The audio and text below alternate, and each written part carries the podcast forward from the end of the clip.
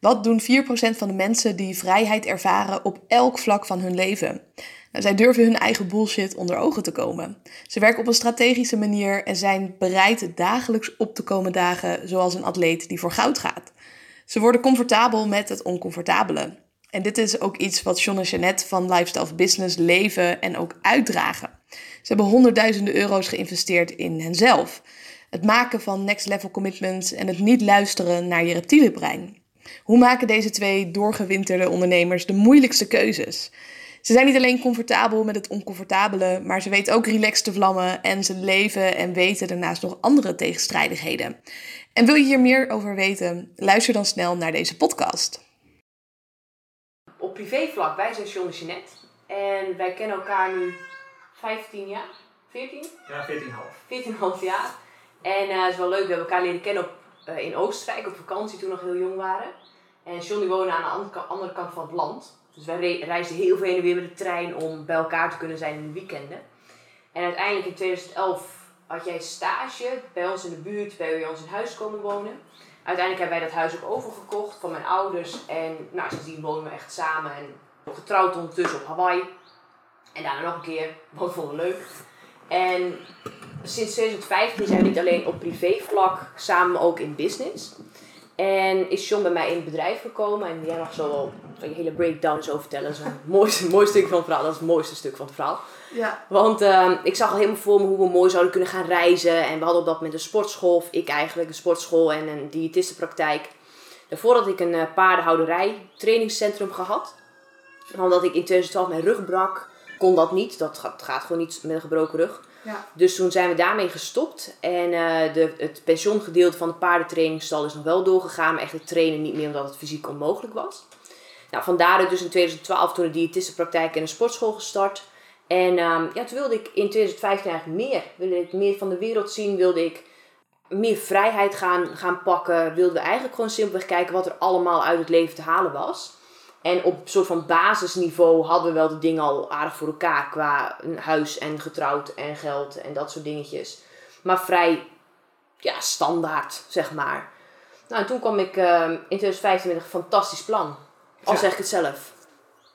En dat was Ja. voor jou toch eigenlijk een omslag. Ja, ik zal even, ook even kort teruggaan in de tijd.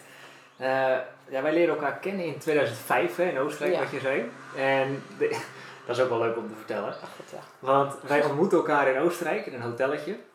En mijn moeder die zei, "Eh, dat is misschien wel wat voor je. Want ik was toen, hoe oud was ik? toen? 16. Ik was 16, ja. Dus het werd wel een keer tijd blijkbaar volgens mijn moeder. Om, even een vriendinnetje te scoren. Want ik was daar nooit zo van. Ik dacht, nee, dat, dat is echt niks. Dat, die, die is veel te oud. Dus ik dacht dat ze net minstens 18 was. En ik was 16, dat was echt veel te oud. En bij Jeanette was er eigenlijk een soort gaande Ja, we, we hadden verschillende tafels. Ik zat hier in de hoek en John zat hier. Dus ik zat de hele tijd te loeren. Maar ik had helemaal niet door dat jij ook loerde. Want ik dacht dat je helemaal geen aandacht voor me had. Ja, dat was dus goed gelukt. Ja, ja. Ja, en toen, we hadden nog maar, dat wisten we toen niet, maar we hadden een overlap van drie dagen. Ja. Ik was er al wat langer, jij was, eh, jij was er nog maar net aangekomen. Ja. En toen had ik mijn zusje volgens mij... eh, Nee, ik had Paul gevraagd.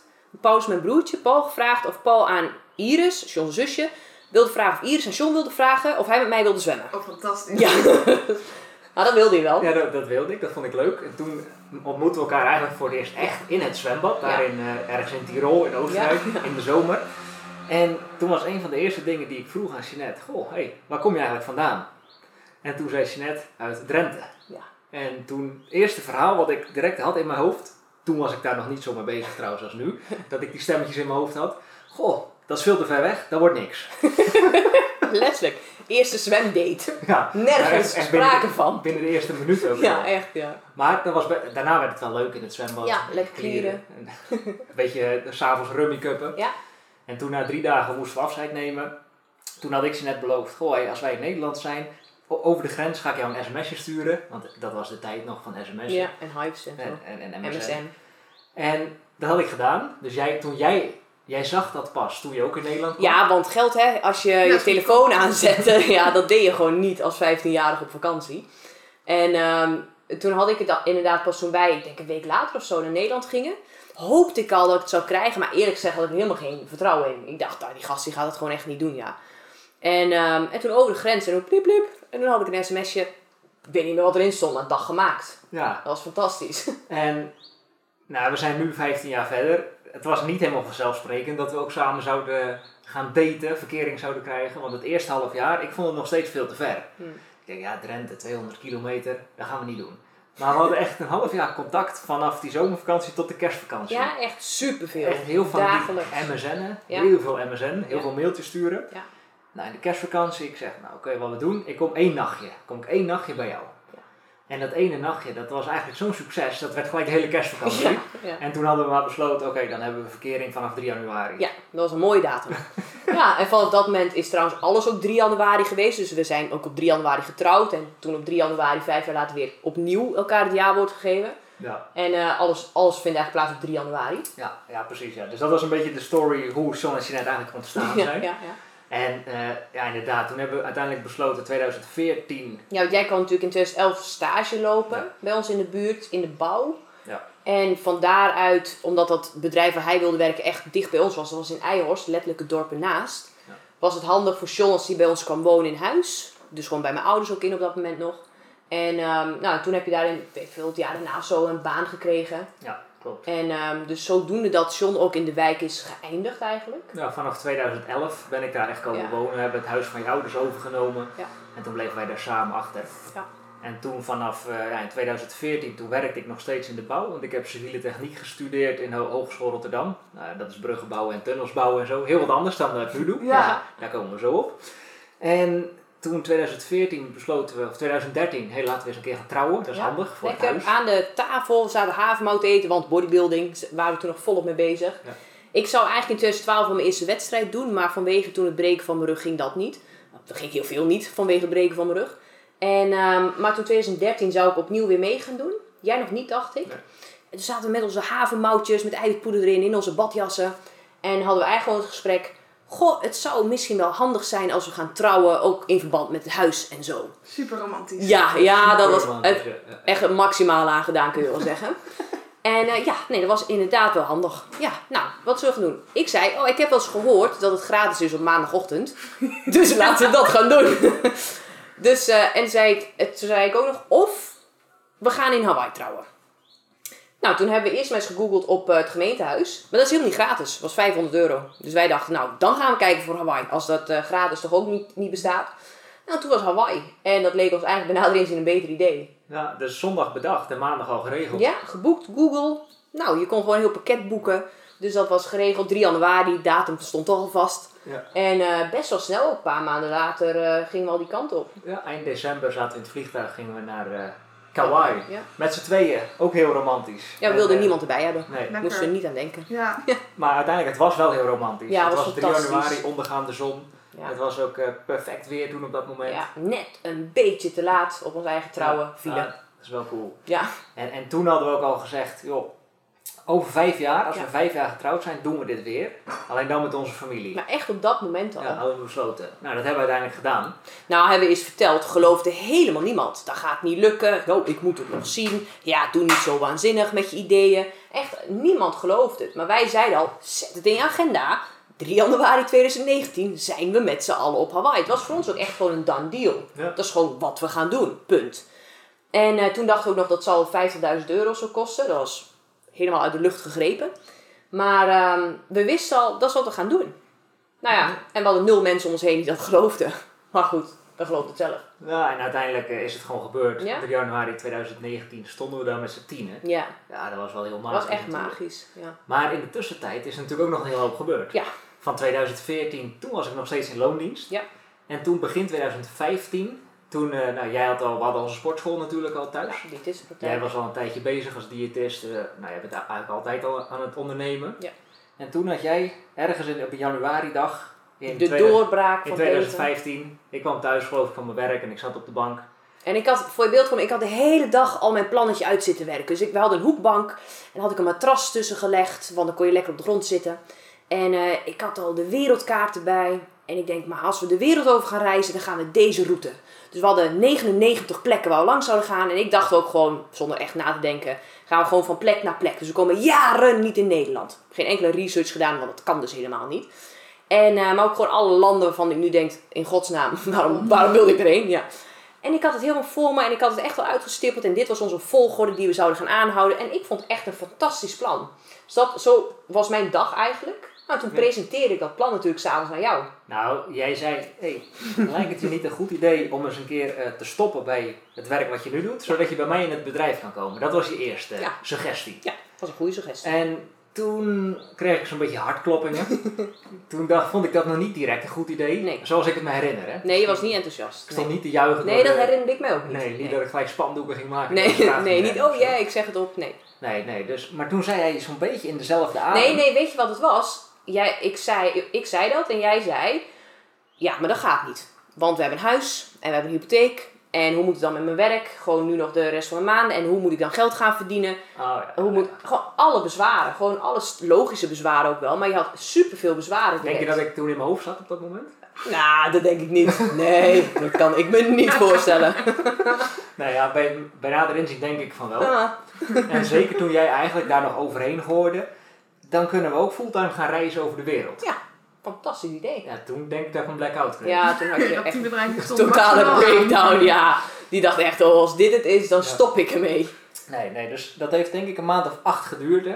Ja, want die break breakdown was ook echt, eh, nou ja, opnieuw dezelfde bezwaren, maar dan herhaaldelijk. En ehm, ja, je zag het niet zitten. En het kon eigenlijk, er waren geen redenen waarom het wel kon, er waren heel veel redenen waarom het niet kon. Ja. En eh nou, ik vond het eigenlijk gewoon een kutplan. Nou, ik vond het een kutplan, Ja. maar ik had heel veel tijd om erover na te denken. Want Ja, en ondertussen gaf ik subtiel allemaal hints. Hé, hey, lees dit blog eens. Hé, hey, kijk dit artikel. Deze mensen reizen ook heel veel.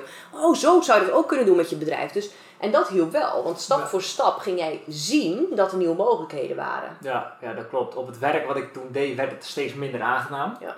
Nou, alles gebeurt met een reden, denk ik. En toen uiteindelijk, november van dat jaar, 2015 was dat, toen heb ik besloten, oké, daar stop ik ermee. Ja. Daarvoor was ik natuurlijk wel al bij jou in het bedrijf, ik deel heel veel dingen. Dus ik ging dat ook steeds meer inzien van, oh, ik zou hier misschien best een rol in kunnen krijgen. Ja. En toen we het opgezegd, had ik mijn baan opgezegd. Toen december 2015 stopte ik. En toen, twee dagen later, zaten we in het vliegtuig naar Bali Ja. om onze eerste proefreis te maken. Ja. En eh, ja, dat is een beetje het begin van onze gezamenlijke carrière. Ja, ja, en die proefreizen toen om echt te ervaren, willen we het reisplan? Want na een week, denk ik, op reis, kwam ik erachter dat mijn wereldkaart wel gewoon weg kon met mijn hele planning van 99 landen. Want het kan niet, je, je mag niet als Nederlands burger zo lang weg zijn zonder in Nederland te zijn. En we vonden het vreselijk om gewoon constant van hot naar her te moeten gaan en Spullen pakken. ja. Nee, was helemaal niks. Maar het reizen zelf was wel heel fijn om te doen. Maar moest ook ervaren, vindt John ondernemen leuk? Vinden wij het leuk om altijd samen te zijn? Eigenlijk moesten we alles gaan ervaren. Dus we hebben ook heel bewust gezegd, we gaan nog niet het huis verhuren. We gaan nog niet alle dingen doen. We gaan echt kijken, vinden we het leuk? En zo niet, nou ja, dan kunnen we altijd weer terug. Kan John weer gewoon zijn baan terug aannemen of ergens anders. Kan ik weer door met wat ik toch al deed. Sportschool hadden we nog gewoon aangehouden. Alles ging gewoon door. Maar gewoon eigenlijk een soort van oude leven nog voor de zekerheid in stand houden. Maar wel al het nieuwe leven ervaren. Omdat we echt geen idee hadden of dat de richting was die we op wilden gaan. Ja. En toen eh, met onze laptop is naar Bali, het backpack gekocht, Ja. laptops ervoor gekocht, Wa- wandelschoenen. wandelschoenen, ja. Twee weken Bali. Nou, dat was op zich best wel een succes. Ja. Alleen, Grappig dat je toen al naar Bali ging. Ja, ja, heel toevallig. Ik weet ook niet waarom. nee, dat, eh, Het was ook toen nog niet zo hip als nu. nee. Maar Het was denk ik rond de tijd dat ze daar die aanslag hadden dat het nog heel rustig was, Weet je, toch? ja, Ja. Daar, behalve 1 januari, toen was het vet druk toevallig. Ja, ja, precies, ja. Alleen toen ervaren we al, toen al, laten we het zo zeggen, toen hadden we een andere standaard dan nu. Ja, ja dat zou je wel kunnen stellen. Ja, toen hadden Dat we klopt. wat simpelere huizen. Dus je moest dan ook echt naar coworking spaces om te gaan werken. Super kut. Dat was echt super kut, ja. Dus Ja. toen hebben we ervaren wat we in ieder geval niet wilden. Nee. En toen twee weken, of daarna of tweeënhalve week waren we terug in Nederland. Want we hadden een retourticket. Ja. En toen een, een week of twee later zaten we in Malta, of all places. Ja, Daar, ook. En was dat met eh, de wietkwekerij? Nee, dat was Ibiza. Nee, dat was oh, Ibiza. kom straks op. Nee, Malta, twee weken is Malta in de winter is niet Oh, aan te raden. Dat was koud, jongen. Dat was Ja. echt niet te doen. Ze hebben gewoon geen verwarming daar. Dus wij zaten echt met dikke kleding aan daar in huis te werken. Dat was echt niet het droomleven. Nee. En toen, dat voelde sneu. hè. Ja, wel echt Toen, super za- sneu. toen zaten wij in zo'n heel klein appartementje daar te werken. En ik, en ik was nog op dat moment echt een rol aan het zoeken binnen het Ja. bedrijf. Dus ik was vormgeving aan het leren, ik was video-edit aan het leren, ik was ook alles aan het leren. Ja. En toen zaten we daar en toen was ik een, een e-bookje aan het maken voor jou, voor, Bikini fitness. ja, voor wolfcoaching. Hm. En toen hadden we zo'n verwarming, zo'n gasverwarming gevonden in de keuken. En ik had mijn dikke wandelschoenen aan en mijn dikke jas. En we zaten daar in huis. Ja, Toen- zo zielig. Ja, dat was het niet. Nee. En toen, eh, en toen hebben we wel wat meer proefreisjes gemaakt dat jaar. Ibiza een paar weken. Toen kwamen we inderdaad... Toen huurden we ook nog niet zoals nu echt goede huizen voor onszelf. Nee, maar dat was wel grappig, want we wisten ook niet dat het kon. Op de een of andere manier, ja, onze standaard was zo laag dat we niet verder konden denken dan, hey, je hebt een, of een appartement of een klein huis of je zit bij iemand anders in huis. We wisten oprecht niet dat je überhaupt ook kon zoeken op Airbnb op grotere huizen, zeg maar. En dat is ook wel het interessante, want als je natuurlijk een bepaald blikveld hebt, dan denk je al heel snel, dit is wat het is. En toen zijn we op een bepaald punt verder gaan kijken, Ja. omdat we wel merkten, als dit het is, dan liever niet. Nee, nee, precies. En, en toen zagen we ineens, hé, maar er is echt een wereld aan grotere huizen, aan villa's. Aan, je, je kunt je eigen zwembad hebben, je kunt andere auto's huren. En toen zonk dat ineens in. Ja, maar dat is echt... Dat zie ik nu ook wel bij mensen die nu beginnen. Blijkbaar als je gewoon vanuit huis uit ook een wat lagere standaard hebt of zo. Ja. Dat je ook niet die mogelijkheden überhaupt niet bekijkt. Nee, nee, want onze, onze opvoeding, zeg maar, die is gewoon heel doorsneden. Die is gewoon heel standaard, standaard leven. Eh, niet arm, maar ook echt niet rijk. Gewoon genoeg geld, zeg maar. Dat is het, al, het was altijd gewoon genoeg. En eh, nou, niet uitzonderlijk slim. Niet mensen in onze omgeving die met persoonlijke ontwikkeling bezig zijn. Het is gewoon super basic. Dus we hebben het best wel zelf moeten ontdekken en, en ontwikkelen. En toevallig vinden we het allebei heel leuk. Dus dat is wel een hele goede match. Maar vanuit dat ene jaar op reis, dat proefjaar, zijn we ook, ben jij er ook veel meer mee bezig gegaan. Want daarvoor, ja, vaste baan, was je gewoon minder mee bezig. En dat maakt wel dat onze wereld vergroten. En, en toen zijn we natuurlijk ook in 2016, oh nee, dat was een jaar later, begonnen toen met ons eerste coachingstrajecten echt. Nee, dat was ook toen. Ja. Dat kunnen we misschien nog wel gelijk Ja, dat is wel leuk. Ja, doe maar. Ja, dan gaan we heel even... Oh, het wordt echt een heel verhaal. Heel, ja, maar ja, ja. Dat is ook wel weer leuk. Even één stapje terug. Ik was nog in loondienst in mijn laatste paar maanden. En ik wist al, oké, als ik bij Jeanette in het bedrijf kom, dan moet ik skills gaan ontwikkelen. Bijvoorbeeld Voor jou was marketing. het in sneltreinvaart, denk ik, alles wat je moest gaan... Ja, dat eh, moest echt in ja. snel ervaren. Dus ik moest, ik denk marketing. Oké. Dus toen zag ik, eh, dus ik was me wat in het verdiepen in die wereld van online marketing. En toen zag ik bij eh Ilko de Boer, wel bekend in Nederland, maar dat wist ik toen nog niet, zag ik een webinar voorbij komen. Ik denk, hé, dat is interessant, dat is misschien precies wat ik nodig heb. Maar ik moest nog naar mijn werk. Dus ik, tegen, ik zeg tegen Jeanette, joh, jij zit toch thuis? Super lullig. Ja, maar echt. Kom op hoor. Ja, dat was wel lullig. Ja, Maar dat herken ik wel hoor. Ze Ja. allemaal in loondienst zitten. Ik, ik kreeg toen ik nog eh, met andere mensen woonde thuis die ook in loondienst waren. Van ja, je kan de pakketjes wel aannemen, je kan het allemaal doen. Ja. Jij zit toch thuis. Ja, kom op hoor. Ja, ik zei dat wel zo. Dat was Ja, dat zei, ja, super lullig. Ja. Ik zei, jij zit toch thuis, kijk jij die webinar maar even, kijk of we daar nog wat van kunnen leren. Ja. Dus ja, die webinar kijken en toen kwam er, zoals dat dus blijkbaar werkt, wisten we toen niet, een onweerstaanbaar aanbod. Ja. En Ilko, die Ja. is ja, die deed eh, dat heel goed. Ja. Ja. Dus jij eh, belt Ik ben mij- vrij actiegericht. Ja, heel Ja. actiegericht. Dus jij belt mij op.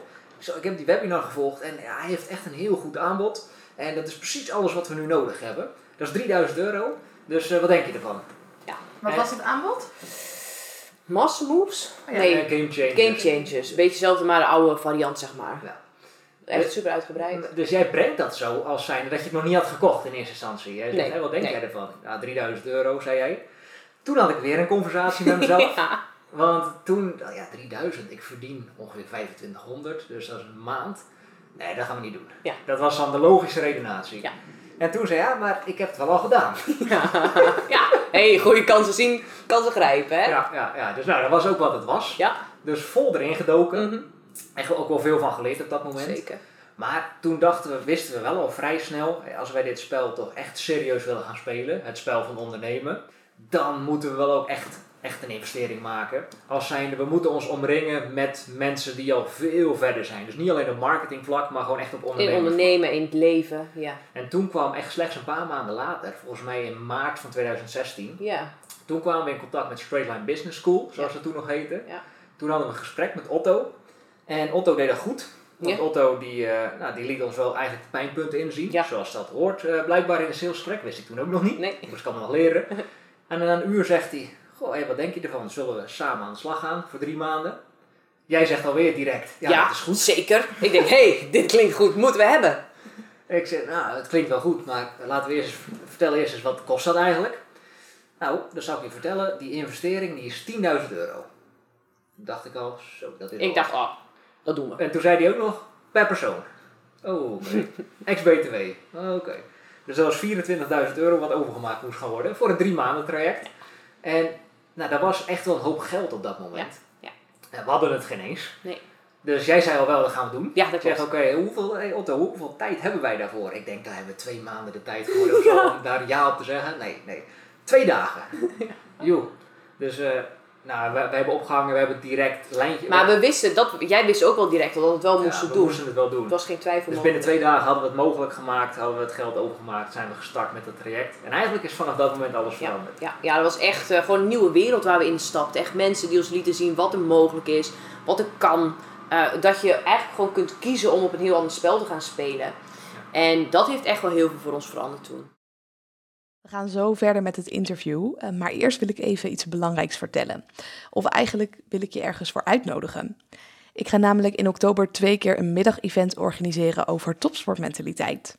Ik en meerdere topsporters gaan spreken over verschillende onderwerpen, zoals leiderschap, voeding, training, doorzettingsvermogen, motivatie, discipline, gewoontes en nog veel meer. We gaan je echt vertellen hoe jij een topsportmentaliteit kan krijgen. En ook de sprekers zijn van topniveau, zodat je alleen gaat leren van de aller, allerbeste op dit gebied. Op die manier ga jij presteren op de toppen van je kunnen en het maximale uit jezelf halen.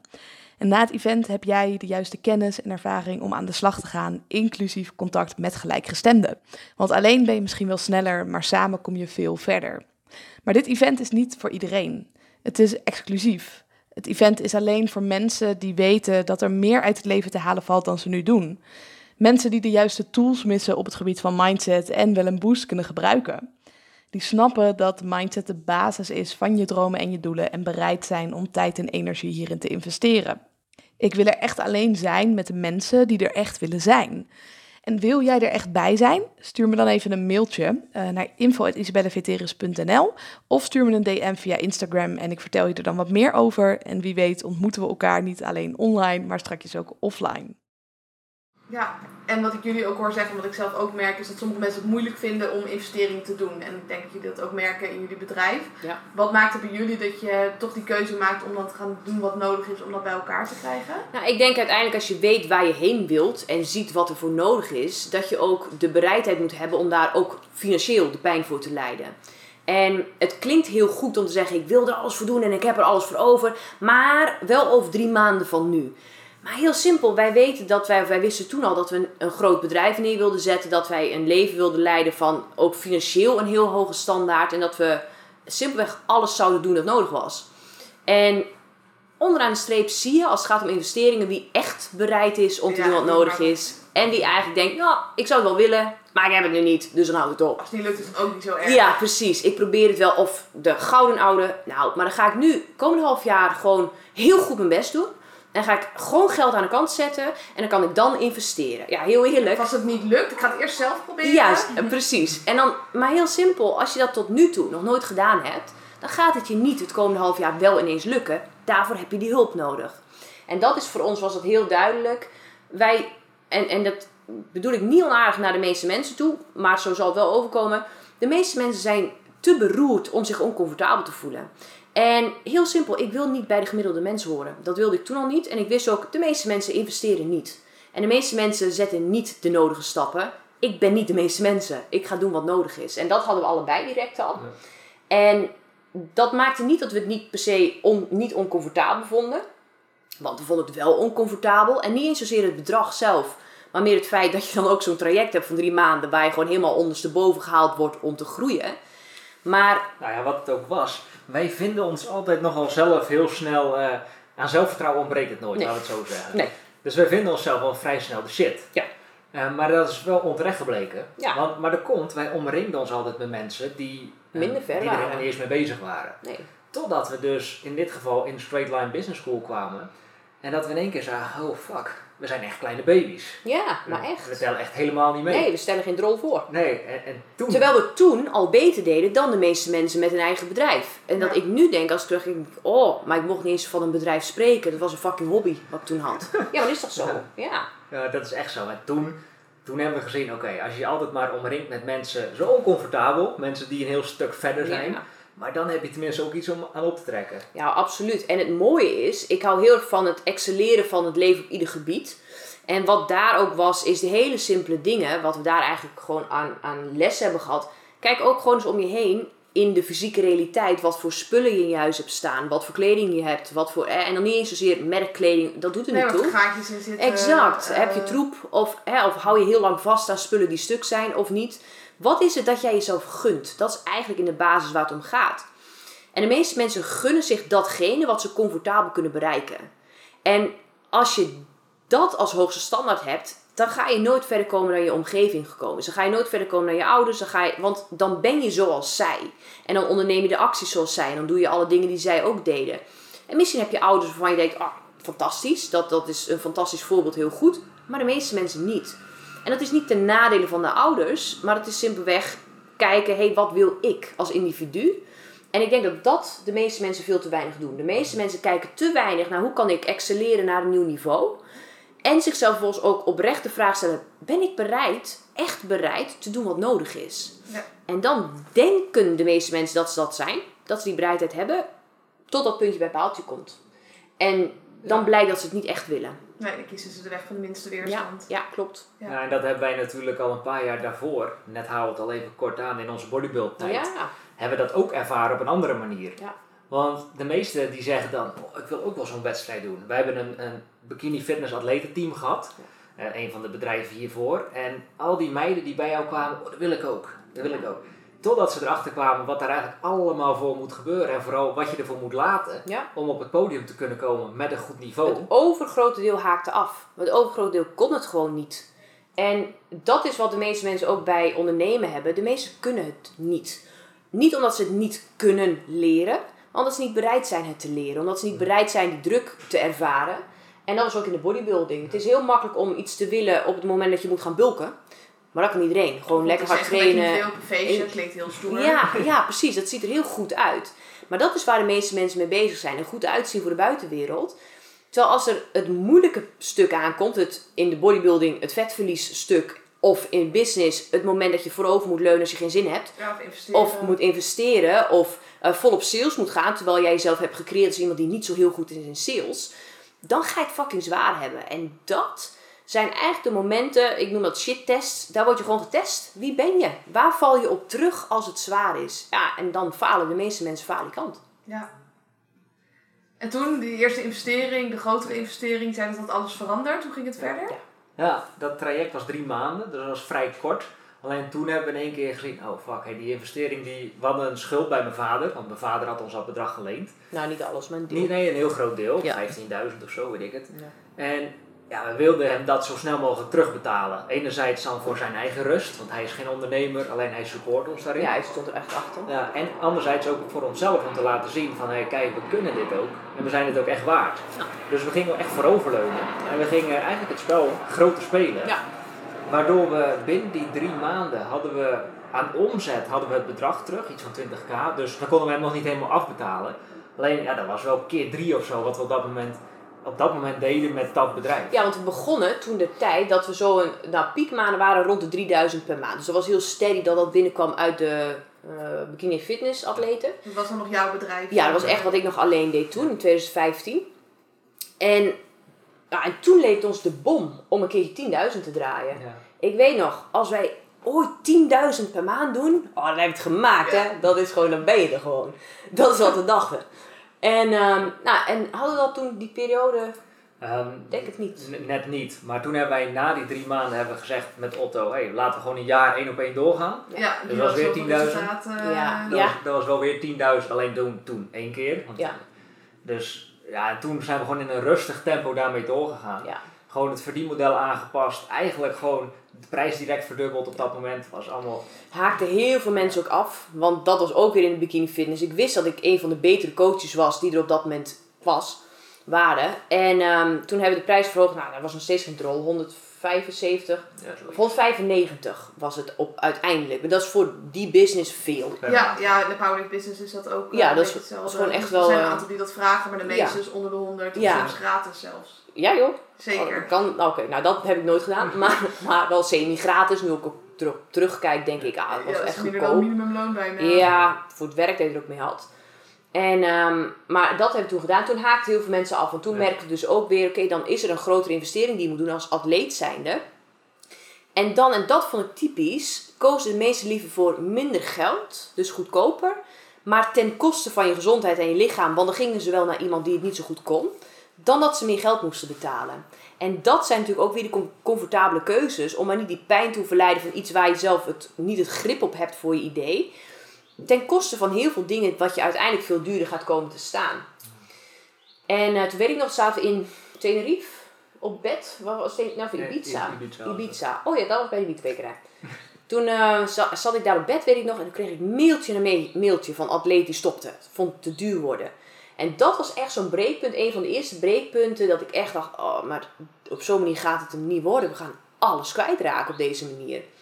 Maar dat is natuurlijk onzin. Alleen op zo'n moment was het wel hoe dat Het voelde. wel zo, ja. ja. En toen waren we uiteindelijk met iets minder dan de helft van de klanten overgebleven. Maar ze betaalden dubbele. Dus, Dus werk. ja, Ja. ik had hetzelfde geld, maar veel minder werk. En van daaruit zijn we gaan opbouwen. En toen konden we ook toewerken naar de eerste 10.000 uiteindelijk. Ja, en, en dat is nog wel schattig om te vertellen, want dat was één van de verdienmodellen. Ja. En in 2015, toen ik dus ook nog steeds in, in loondienst was, toen waren Jeanette en ik wel al into persoonlijke ontwikkeling. En wij hadden een, eh, nog steeds trouwens een all-time guru, Brian Johnson, dat is een Amerikaan, die heeft een membership, persoonlijke Echt ontwikkeling. een eindbaas. En toen was dat nog veel kleiner dan het nu is. Ja. Ik hey, wij, wij kunnen dat ook best wel doen op onze manier, dachten we toen. Vrij naïef, heel eerlijk ja, gezegd. ja. Ik denk, ja, daar moeten we ook een bedrijfsnaam voor hebben en dan moeten we gewoon alles ook gaan opbouwen. Dan gaan we een membership bouwen en dat bedrijfsnaam, schrik niet, was johnenjeanette.nl. Hey, originaliteitsprijs 2015. Ja, je denkt, ik moet toch ergens beginnen. Ja. Nou, ik zelf een logootje zitten tekenen Ja. en zo. En toen denk ik, dan maken we een membership als het gaat om persoonlijke ja, ontwikkeling. dat was echt een goed idee. Het idee was goed, dan gaan we video's maken. Toen en- was dat er ook nog niet veel. Nee, Helemaal niet. mini-motivaties, mega-motivatie, weet ik het Ja, hoe we dat noemen. ja. Video's opnemen was overigens Oh, verschrikkelijk. dat was een drama met die gast. Van mijn kant dan. Ja, het was niet te doen. Jezus. Kijk, ik vertelde net al even, aan zelfvertrouwen ontbreekt het op zich nooit. Nee. Dus dat was hier ook niet mee. Nee. Wij denken, hey, hoe moeilijk kan het zijn om samen een paar video's op te nemen? Dus wij gingen staan in onze huiskamer, ik weet het nog goed. We hadden zo'n krijtbord erbij en alles. Ja. En het lukte niet. Het was niet om aan te gluren. Het was verschrikkelijk om naar te luisteren, om naar te kijken. Het was een gestotter. Ja. Dat al een uur van tevoren geoefend. Voor een video van vijf minuten. Ja, maar letterlijk. Ja. Oh, wat een verschrikking. Ja, nee, dus ik ben gaan trainen, zoals met alles. Ik heb heel veel doorzettingsvermogen, superveel discipline. Dus toen heb ik een kamertje ingericht, een studio. En toen ben ik honderden uren ongeveer, denk Ja. ik, zonder gekheid, ben ik gewoon in gaan spreken, terugkijken, in gaan spreken, terugkijken. Zo ben ik heel goed geworden, ook in video's. Ja. In die Ja. tijd ben ik in heel veel dingen heel, veel, heel goed geworden, omdat ik gewoon het werk erin stak. Ja. En toen hebben we John en Jeanette.nl wat doorontwikkeld. Maar het is nooit echt goed van de grond gekomen. Nee, helemaal niet zo. Nee, nee, nee, Nee. Maar dat klinkt zwak. Ja, maar dat is, dat is gewoon zo. Ja, en dat hebben we uiteindelijk doorontwikkeld naar het andere bedrijf, kickassleven.nl. De voorloper op wat nu lifestyle of business is. Want we hadden in die tussentijd, eh Jeanette had gewoon haar atletenteam. Alleen, wij waren ook steeds meer aan het reizen. Ja, de sportschool hadden we ook nog. In de sportschool hadden we nog. Marketing snapten we steeds beter. Wij kregen ook steeds meer vragen van mensen. Hey, zou je ons ook kunnen helpen met hoe kan je online wat geld verdienen? Een beetje zoals eh, ja, heel veel bullshit business coaches ook zijn begonnen. als Ja. Ja, maar zeker in die branche dus het helemaal niet normaal om 10k om te zetten. Nee, Nee. nee. Nee, dus of wij ermee konden helpen, nou, op zich kunnen we dat wel. Eh, dachten we, dus laten we dat eens gewoon gaan doen. Nee, eerst hebben we heel lang de boot afgehouden. Dat klopt. Alleen, jij was natuurlijk al een coach, al jarenlang. Ja, ja. En ik was dat niet. Nee. Dus toen was dat was ook super schattig. Toen eh, hebben wij samen we hebben trajecten gedaan. Ja, Dat, echt, dat wij gewoon samen achter de webcam zaten met een klant. Die betaalde dan ook nog eens maar 100 euro. Weet ik Ja, het. Echt heel weinig. Alleen, toen dachten we er niet zo bij na. Want we zaten meer in, oké, we moeten goed worden. nou en, en dat is wel een hele belangrijke voor heel veel ondernemers, ook in Ja. dit geval, maar ook wel voor sporters als je daarop zou betrekken. Ja. Heel veel willen nu direct al doen wat ze horen. Dus niet direct je tijd voor geld gaan ruilen, ehm, hoge prijzen vragen, eh, niet al je tijd in je, in je bedrijf willen steken. Maar als je niet goed bent, moet je wel het werk erin steken. Ja. En dat was net als met bikini fitnessatleten in het begin. Ze konden wel niet gewoon op dieet willen, maar als je 20 kilo overgewicht had, moest je eerst normaal afvallen. En dan ging je door naar wat atletischer worden en daarna de laatste fase om echt droog te trainen. En dat is ook in business. De meesten zijn eigenlijk onderaan de streep te beroerd om het werk er echt in te steken. En willen zonder ongemakkelijk te zijn, zonder dat discomfort te ervaren, wel al heel weinig uren erin steken of eigenlijk gewoon bereiken wat ze ergens zien gebeuren bij andere mensen. Wat waarschijnlijk heel veel mensen bij jou zullen hebben die denken, oeh, nou wat Isabel heeft wil ik ook wel. Ja, maar Isabel die heeft er fucking hard voor gewerkt. Dus dan moet je wel bereid zijn dat ook te gaan doen. Ja, en het wordt natuurlijk ook in marketing heel erg eh, erop ingespeeld. Ook Ja. in, in fitness of in ondernemen. Van, Ja. hè, zo kan je heel snel een, een mooi lijf krijgen. Of zo kan je heel snel heel veel geld verdienen. Maar ik denk dat we allebei van mening zijn van dat er zit gewoon kei, keihard Ja. werk eh, zit eronder. Ja, Ja, dat is echt zo. Dus toen hebben wij meerdere trajecten samen gedaan. Ja. Ehm, dat was meer voor mij dan voor jou. Hm. Alleen kon ik op die manier Ja, beter worden. Gewoon uren maken. Ja. En toen weet ik nog, toen was jij eh, ziek. ja. Toen, toen kon jij maar echt, echt niet, kotsen. jij kon echt niet voor de camera verschijnen. Nee. En dat was super spannend, want toen moest ik voor de alle keer, eerste keer ooit, ja, moest ik eh, alleen één op één een gesprek gaan doen, een coachinggesprek. Dus vond ik echt redelijk spannend, maar dat ging echt super goed. Ja, ja dat, dat was het ook. En van daaruit ben ik het gewoon meer alleen gaan doen. En toen ben ik dat gaan doorontwikkelen. Eigenlijk de skill van coaching. Het was wel meer nog consultancy wat ik toen deed, veel meer adviseren. En zo is dat verder doorontwikkeld. Dus is Kick as Leven kreeg een, een broertje, was Kick as Business. Ja. Zodat we met Kick as Leven deed jij ook heel veel coaching met eetstoornis en echt live coaching. En Kick as Business werd echt voor ondernemers. Ja. Alleen in het begin nog heel erg gericht op digitale nomaden. Omdat wij toen dachten, oh dat is echt booming, die markt is booming. Dat is ook zo. Maar wij wilden ons niet meer geassocieerd eh, voelen met. Nou, wat er gebeurde, wij zaten ondertussen op een hoger level. Dus wij, niet, niet goed of fout, alleen wij hadden een hogere standaard. Ja. Dus wij, wij hebben sowieso nog nooit in hostels of zo gezeten. En ik moet er ook niet aan denken. Maar heel veel willen dat graag. Veel willen de busjes en de tentjes en dat soort Ik dingen. kan niet zeggen dat ze het per se graag willen, denk ik. Maar gewoon meer waar je het over hadden van het budget. hè. Ja, Dus je wellicht denkt, dat ook. hoort erbij bij het reizen. Ja, ze weten niet beter. En, en sommigen die gaan er heel goed op. Die, die willen echt dat, die ervaring, denk ik. Maar ik denk inderdaad ook dat de mogelijkheden meespelen. En toen merkten we ook, hey, oké, dit is niet wat wij willen. En wij, wij willen eigenlijk alleen mensen helpen die ook die hogere standaard willen creëren. En toen, toen we daarop zijn gaan richten, toen merkten we ook al heel snel dat er een mismatch was tussen de benaming digitale nomade, wat we toen heel veel gebruikten, en ons doel om mensen te helpen eerst dus bijvoorbeeld dan 10k te kunnen gaan doen. Of ik weet niet wat wij toen ondertussen deden. Maar dat is gewoon constant doorontwikkeld. En dus wij keken niet op van 10.000 plus. En uit- nu ondertussen niet meer van tienduizenden plus per maand. Dat, nou ja, als je een serieus bedrijf moet zetten, standaard, is dat ook logisch. En daar kwam al snel een mismatch. Dat we ook merkten, hey, we willen niet in deze markt bezig zijn met echt het reizen erbij. Mede omdat we ook merkten in 2016, met het eerste echte reisjaar, dat wij niet echt van die reizigers zijn. Dat wij meer gewoon heel goed willen werken. In een fijn huis, in altijd warmte. En that's it. Daar zijn wij intens gelukkig mee. Dus het sloot niet zo erg meer aan bij hoe wij erin stonden. En toen hebben we een shift gemaakt uiteindelijk. Ja. Maar nu ben ik heel even in een gat. Want nu zit het in 2016. Ja, 2017 ook wel. Liep Ja, ook nog wel hè. Toen waren we, eh, we vertelden net, we zaten toen bij Otto in coaching. Ja. Nou, daar, dat was niet meer helemaal de business coaching die we zochten. Nee, dat nee. werd meer live coaching. Ja. Denk, we moeten weer echt een business badass hebben. Ja. Toen waren we in Mauritius in 2017. Dat was echt mooi. Toen hadden we ook echt weer onze, Ja. ons level of, of onze standaard verhoogd. Dat was, een, dat was een villa. Wij zaten in Mauritius voor drie maanden. Ja. En de eerste maand hadden we villa voor, weet ik het, 1500 euro. 1700. Maar dat was het eigenlijk niet echt waard, vond ik. Nee, maar. Maar toen nee. dachten we, hey, we moeten onze level... Nee, maar die van 1700 was dat. En dat was al eentje toen we hem boekten. Dat was voor ons weer een nieuwe stap. Ja. Dat we dachten, hé, hey, dat is nice dat we dat nu kunnen doen. Ja. Oh, je pakt hem niet meer op. Ja, nee, ik ja, verder. Oh nee. Nee, en toen denk ik, wat we gaan doen, wij gaan gewoon heel stoer, wij gaan op Airbnb kijken naar echt, echt huizen die echt de shit zijn. Ja. Maar die gaan we sowieso nooit huren, maar dan te gaan we, gaan we Ja, visualiseren. Ja. visualiseren. En dan het eerste huis, nou, dat was wel tof, maar dan kon je niet goed buiten werken. En wij wilden graag buiten werken. Dat tweede huis, Komeneka, stond van 7500 op Airbnb. Dus we zagen überhaupt niet echt de mogelijkheid om dat te gaan doen. En toen kwamen we daar en het was, het was echt perfect. Het was Ja. Bali-stijl in Mauritius. Dat was echt geweldig. En toen zegt die vrouw, nou als je dat nou niet via Airbnb doet, maar gewoon via mij, dan is het 2500. Wat best een gat was. Dat is een Dat was heel een groot dikke korting, ja. Ja, dus toen was het eigenlijk niet meer over nadenken. Toen hebben we internet getest, dat is heel belangrijk voor ons. Was goed, konden nog een upgrade maken Ja. en zeggen, nou laten we dit doen. Dus toen gingen we daar voor één maand wonen, die hebben we nog een maand bijgeboekt.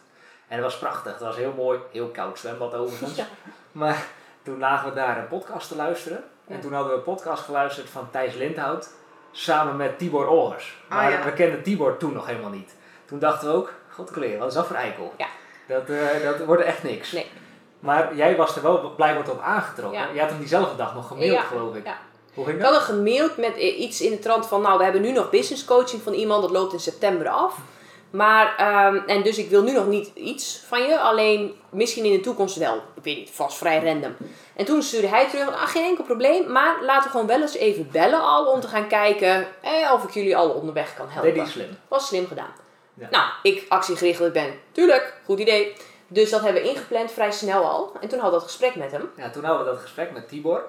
En eh, Tibor die wist wel goed wat hij deed. Ja, Na dat gesprek voelden we ons in één keer weer... super We losers. zaten in dat huis, hè, dat duurste huis ooit, maar we voelden ons weer kleine baby's na Ja. dat gesprek. Ja, ja. En toen eh, zijn we ook direct gestart, geloof ik. Ja, dat klopt. We Ja. hebben niet meer uitgesteld. We zijn toch maar direct met het traject gestart met hem. Ja. En ehm, Ja, Nou, en zo hebben we bijna twee jaar één op één met Tibor gewerkt. Toen hebben we eigenlijk ook echt leren ondernemen. Eh, dat hadden we daarvoor in Straight Line Business School. Word je gewoon heel krachtig als persoon. Je Ja. leert heel goed met die stem dealen en zo. Alleen echt gewoon businessstrategieën, dat hadden we nog niet echt goed geleerd buiten de eigen ervaring. Ja. En dat hebben we toen bij Tibor geleerd. Dus toen hadden we eigenlijk alle puzzelstukjes op de plek op dat moment. Ja. Toen waren we in 2018 ook bij Tibor in een business retreat in Spanje. En daar is toen Lifestyle of Business geboren. De doorontwikkeling van Kikkersleven. Het merk is daar ontstaan, het logo, de slipper en de stropdas die zijn daar ontstaan.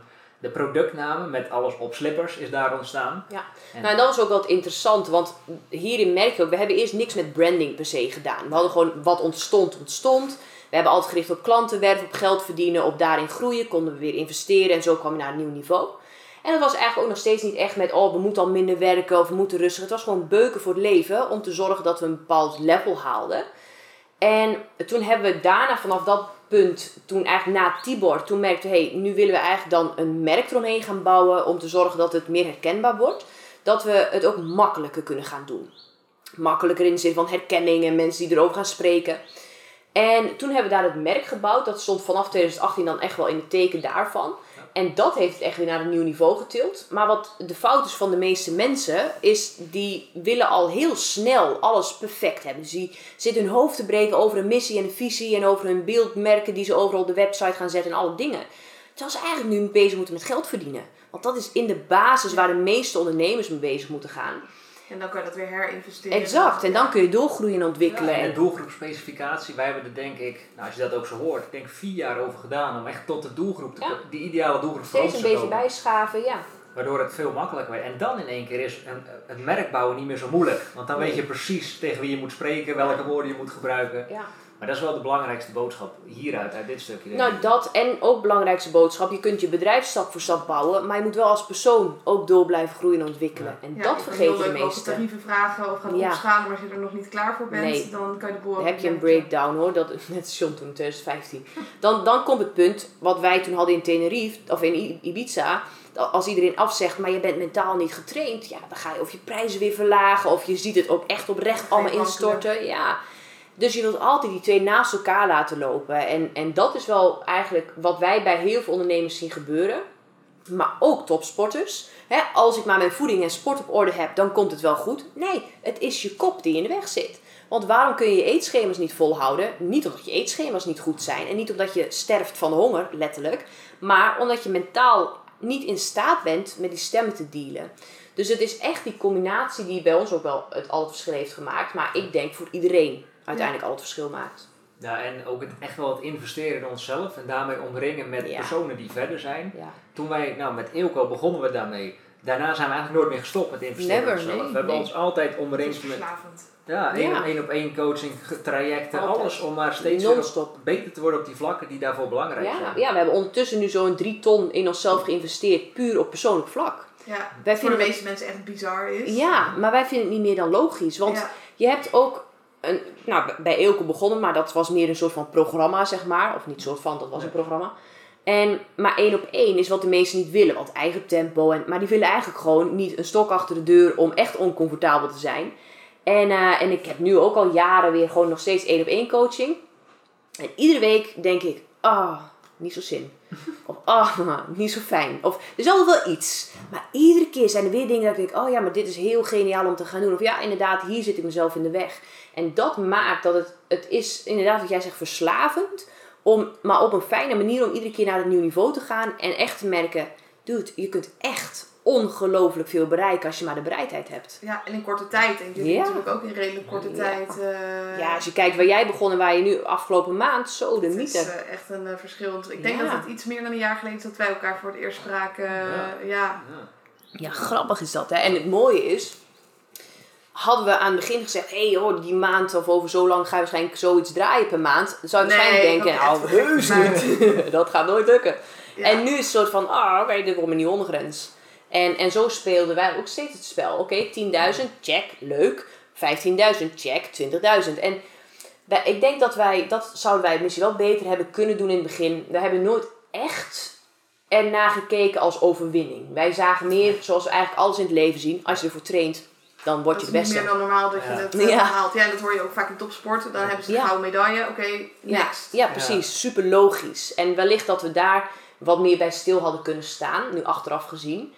Maar nu ook nog steeds, iedere keer als je weer een stapje op je berg zet, kun je net weer wat verder kijken. En zie je net weer nieuwe mogelijkheden. Ja, waarom in godsnaam zou je stoppen? Ja, precies. Ja, En jullie zijn natuurlijk ook heel erg van de tegenstrijdigheden. Zou je daar iets meer over willen vertellen? zeker. Bij het merk Lifestyle of Business hebben we eh, nu ook vier tegenstrijdigheden. We hadden er eerst tien of twaalf of zo, maar die hebben we toen Tien, ja. verminderd. Tien als heel veel. Ja, ja. En, maar goed, ook dat. Je begint Ja. ergens en, en Ja. wilt dan gaan optimaliseren. En we hebben nu Relaxed Vlammen als tegenstrijdigheid. Waarin we heel erg staan voor... Enerzijds wil je echt achterover kunnen leunen op gepaste tijden. ehm, rust nemen. Goed voor jezelf zorgen. Slaap vinden wij ook bijvoorbeeld heel belangrijk. Maar echt jezelf optimaliseren zodat je kalm en ontspannen door het leven gaat. Dat vakantiegevoel. En tegelijkertijd vlammen. Dus dat je voorover kunt leunen en beuken als een motherfucker. En alles doet dat nodig is en oncomfortabel bent. Maar altijd die balans hebt. En daarnaast hebben we ook begrensde vrijheid. En die ligt daar heel mooi mee in lijn. Want dat is echt, je hebt kaders voor jezelf. Dus dat zijn jouw grenzen. Voor mij bijvoorbeeld kaders, voor John ook. Eh, tijd dat we naar bed gaan, tijd dat we nou, opstaan, gaat vanzelf, want dan zijn we uitgerust. Ehm, type dingen die we wel niet eten. Maar ook grenzen als, wij gaan niet naar verjaardagen toe. Wij gaan niet zomaar uitjes doen met mensen. Doen we niet, omdat wij weten, alle uren die wij in andere dingen of mensen stoppen, gaat ten koste van dat wat we hier op de wereld willen neerzetten. Maar binnen die grenzen wil je wel de vrijheid hebben dat, hé, hey, vanavond komen we te laat thuis bijvoorbeeld. Ja, dan ga je niet zitten panikeren omdat je niet op tijd naar bed kunt. Dus je wilt wel de ruimte hebben om daarvan af te wijken. Comfortabel discomfort, dat is de ander. Je wilt enerzijds heel oncomfortabel kunnen zijn, maar je wilt comfortabel worden met het oncomfortabele gevoel. Dus het ijsbad. eh, Exact, ja. ja precies. Ja, Ja, dat je niet gaat vechten, dat je niet in je hoofd schiet met, oh, dit is zo zwaar en dit Ja. lukt niet en moet ik weer vooroverleunen. En die verhalen wil je allemaal naast je neerzetten, zodat je simpelweg ziet, hé, hey, oké, ik heb gekozen om een bepaald doel te willen bereiken. Of dat nou is een wereldbeker verdienen of 100.000 euro omzet in een maand of whatever je wilt.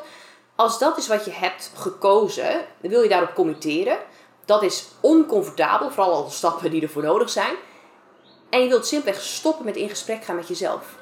En als je daarmee stopt, word je automatisch comfortabel met het oncomfortabele. En ga je alle acties kunnen ondernemen die nodig zijn. En we hebben ook nog, welke? Onbewogen veerkracht. Onbewogen veerkracht. Veerkracht houdt natuurlijk in dat je mooi meebeweegt, meebuigt. Onbewogen sta je stil en ben je niet vooruit te krijgen en niet te breken. Onbewogen veerkracht is dat je heel gefocust blijft op jouw B-punt. Heel goed weet waar je heen gaat. En tegelijkertijd de veerkracht hebt om als het nodig is mee te buigen met alles wat het leven naar je toe gooit. Nou, dan is in 2018 wel een hele mooie. Want wij hadden een heel duidelijk B-punt, natuurlijk Hawaii. Dat mag jij over vertellen. Nou, ik ga hem toch zo aan jou geven. Want, Oh. eh, want dat is ook de mooie brug naar eigenlijk het bedrijf waar jouw focus nu vooral Oh ja, heen gaat sorry. natuurlijk. Maar in 2018, toen woonden we even bij Sinet Ouders op de boerderij. Toen waren we net negen maanden op reis geweest. Ja. Hadden we echt weer eh, de beste maanden ooit gedraaid. Ja. We moesten weer naar Nederland terug, want je moet als Nederlands burger vier maanden per jaar in Nederland zijn. Toen kwamen we op die boerderij en we zouden daar één maand gaan wonen. Want ja, we zijn ook wel graag op onszelf. Eh, we wilden niet terug in de tijd om weer bij je ouders te wonen. Maar toen, eigenlijk toen we op het punt stonden om wat te boeken, Ja. toen kwam de dokter. Want je moeder die had al een eh, tijdje wat last met de borst. En toen nou, was de constatering uitgezaaide borstkanker. En eigenlijk, heel plat gezegd, niet meer te redden. Nee, inderdaad. Dat, dat was de boodschap. Dat was in de zomer van 2018. Dat we eigenlijk te horen kregen, je, ja, we gaan kijken of ze eind van het jaar haalt. En eigenlijk zouden we eind van het jaar met z'n allen naar Hawaii gaan. Dus dat was echt het moment dat eigenlijk we helemaal niet wisten of het leven zou blijven zoals we het kenden. En toen hebben we ook eerst Hawaii niet, niet afgezegd. Het werd voor mama ook het doel om heen te werken. Dat ze echt ook zag, hé, maar oké, ik wil iets te hebben om voor te werken als het ware. En daarnaast moesten we wel realistisch zijn. De kans dat we niet heen zouden kunnen gaan was heel groot. Of omdat ze te ziek was, of omdat ze misschien zou overlijden. En toen hebben we daar heel bewust de tijd voor genomen om wel te zeggen: oké, huizen en zo cancelen we, we kijken hoe het loopt. We houden dat doel voor mama, zodat ze weet waar ze het voor doet. En ondertussen is Sean in sneltreinvaart Lifestyle of Business meer en meer moeten gaan trekken. Omdat ik in de nachten voornamelijk, want overdag moest ik best wel veel doen aan het bedrijf. In de nacht alle tijd kon nemen om te studeren op kanker. Om te zorgen dat we alles konden doen wat er mogelijk was. Want zij had ondertussen het tumor zo groot, het was niet meer te opereren. Het was uitgezaaid in de lymfe, in de botten zo erg dat haar heupen ook gebroken waren. En ze kon letterlijk niet meer lopen, niet meer zitten, niet meer staan. En naast de bestralingen die ze moest om eigenlijk gewoon te zorgen dat zo snel mogelijk die uitzaaiingen in de botten stierven. Uh, dat het weer aan kon groeien, dat ze weer in ieder geval meer pijnvrij kon zijn. En daarnaast ook hormoon, antihormoonbehandelingen. En de doktoren die zijn vrij simpel. Die zeggen dit is wat je kunt doen. En we hopen dat het goed komt. En we gaan even afwachten hoe het aanslaat. Maar ja, heel eerlijk, hopen en afwachten, dat is het kansloosste wat je kunt doen. Ja, en dat, en dat is absoluut niet wat we wilden en ook helemaal niet wat bij ons aansluit. Dus ik heb in iedere nacht, het, het was slopend, voor ons allemaal natuurlijk, maar het was echt slopend. Maar toen hebben we alles in voeding gedaan, in immuunsysteemversterking, in leefstijloptimalisaties. Nee zeggen en afscheid nemen van alle mensen die ook maar het minste beetje energie zogen. Echt radicaal alles veranderd. En dat sloeg dusdanig goed aan, de hele combinatie, dat ze eigenlijk dusdanig fit werd, dat de arts ook op een bepaald punt zei: Ja, ik weet niet wat je doet, maar het gaat heel goed. Dus ik denk dat we wel eens kunnen gaan praten over Hawaii en hoe we dat kunnen gaan doen met de medicijnen. Want ja, die moesten natuurlijk wel meenemen ook. En dat was eigenlijk het eerste soort van lichtpuntje dat we zagen: oké, je hebt nooit garanties en we weten niet waardoor het exact komt. Ja, echt alles is eindig wat je doet. Maar je hebt meer invloed dan je denkt. En ook hierin was het, heb je de bereidheid te doen wat nodig is. En nogmaals, het is, bij mijn moeder is het zo gelopen. Het is niet gezegd dat dat bij iedereen zal zijn. Het is niet dat iedereen dezelfde mogelijkheden heeft. Dus in die zin weten we alleen ons eigen verhaal daarin. Maar we weten wel, omdat zij zo vasthoudend was in letterlijk alles doen wat ze kon. Dat ze zonder rolstoel ook mee kon naar Hawaii. En dat ze eigenlijk gewoon overal aan mee kon doen. Ja. En dus hebben wij eind van het jaar ook uh, Hawaii nog geregeld. Ja, alle huizen en zo waren weg, want kerst in Hawaii op dat moment. Dus we hadden een paar echt aftanse huisjes bij elkaar geraapt. Het was echt, echt belachelijk. Maar het feit dat we daar stonden met z'n allen, ja, dat, dat was fantastisch. Dat, dat is waar het om ging. Dat we gewoon zagen, wow, dit is niet normaal wat je kunt doen. En nou, Hawaii, dat was fantastisch om dat met z'n allen te doen. En um, ja, toen kwamen we terug en heel simpel, uh, dat was nog maar het begin van het kankerverhaal. Want ja, het kon nog alle kanten op. En uh, alles daalde en alles bleef heel goed gaan en ze was super fit. Maar toen ergens, denk ik in voorjaar of zo van 2019, ja. Toen super onverwacht waren er ook uitzaaiingen in de lever. En dat was echt zo'n moment, als je het hebt over onbewogen veerkracht. We moesten echt onbewogen veerkrachtig gefocust blijven op, we hebben het doel om alles te doen wat we kunnen. Wat er ook gebeurt. Dus ja, ook als er dingen zijn waar je in dit geval dan geen invloed op hebt. We blijven het maximale doen wat we kunnen. En toen is er nog een tandje bijgegaan met voedingoptimalisaties. Is ze naar de natuurarts gegaan om helemaal door te laten meten. En het waren echt de puntjes op de i. Maar het is een kwestie van leven en dood. Letterlijk in dit geval. Dus de puntjes op de i gezet en echt zitten mierenneuken op alles wat er maar beter kon. En dat maakte dat ook de uitzaaiingen in de lever uiteindelijk weer eh, weggingen. Lymfe is ondertussen schoon. Borsttumor is heel klein. Botten zijn zelfs op het level, ze heeft geen medicatie meer nodig om dat te helen omdat de botten het zelf weer hebben overgenomen. Wat heel onwaarschijnlijk is in vrijwel alle gevallen.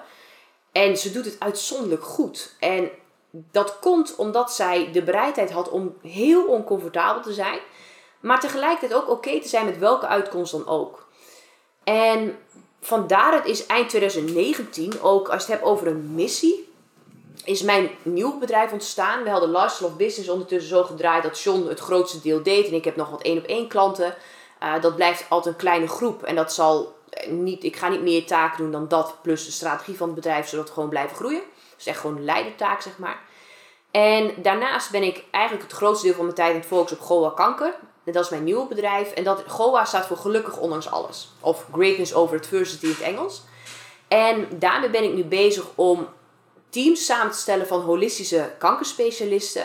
Om hen samen te brengen met patiënten. En we zijn op dit moment ook bezig met een stichting om mensen die geen geld hebben voor de toch wel dure behandelingen over het algemeen, die niet goed worden, uh, ook financieel haalbaar te gaan maken.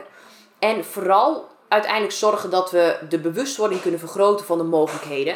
En als je het hebt over visie, uiteindelijk wil ik Nederland het eerste land laten zijn waarin 100% transparantie is over de behandelmogelijkheden voor kankerpatiënten. En dat klinkt nu heel simpel, hè? oh, nou, dat gaan we doen. Maar ja, je moet letterlijk iedereen in de kankerwereld meekrijgen. En die is zo stug als maar zijn kan over het algemeen. En als je dan weer hebt op bedrijfsvoering. Zo, die missie is toevallig afgelopen week. Ik wilde gaan slapen en hij schoot in mijn hoofd. Ik, oh, ik heb echt geen zin om die op te gaan schrijven. Dat ga ik echt niet doen. Maar hij bleef in mijn hoofd. Ik ja, fuck dat. Dus ik lampje aan, opgeschreven in mijn journal. Ja, dat is een goede missie. Of een goede visie. En, um, en toen, s ochtends las ik hem. Ik denk, ja, maar dit is het. Dit is wat we gaan doen. En van daaruit ben ik nu het bedrijf aan het bouwen Eentje waarin het niet nodig is om nu al geld te verdienen. Eentje waar het niet nodig is om zo snel mogelijk te gaan. Maar eentje die er is om ja, eigenlijk mensen te laten zien wat, wat er mogelijk is. Zonder dat we vasthouden aan absolute zekerheid, want die heb je toch niet. Ja, en dat is voor mij nu, en dat merk ik bij ons allebei, als je het hebt over, over de vrijheid van het ondernemen. Ik kan nu iets doen dat ik zo belangrijk vind, omdat we al die jaren de tijd hebben gestoken in het bouwen van een heel gezond bedrijf, van Last of Business in dit geval. En um, ja, dat is eigenlijk de huidige verstand van zaken. Tja, Ja. wat een verhaal wil eigenlijk, hè? Ja.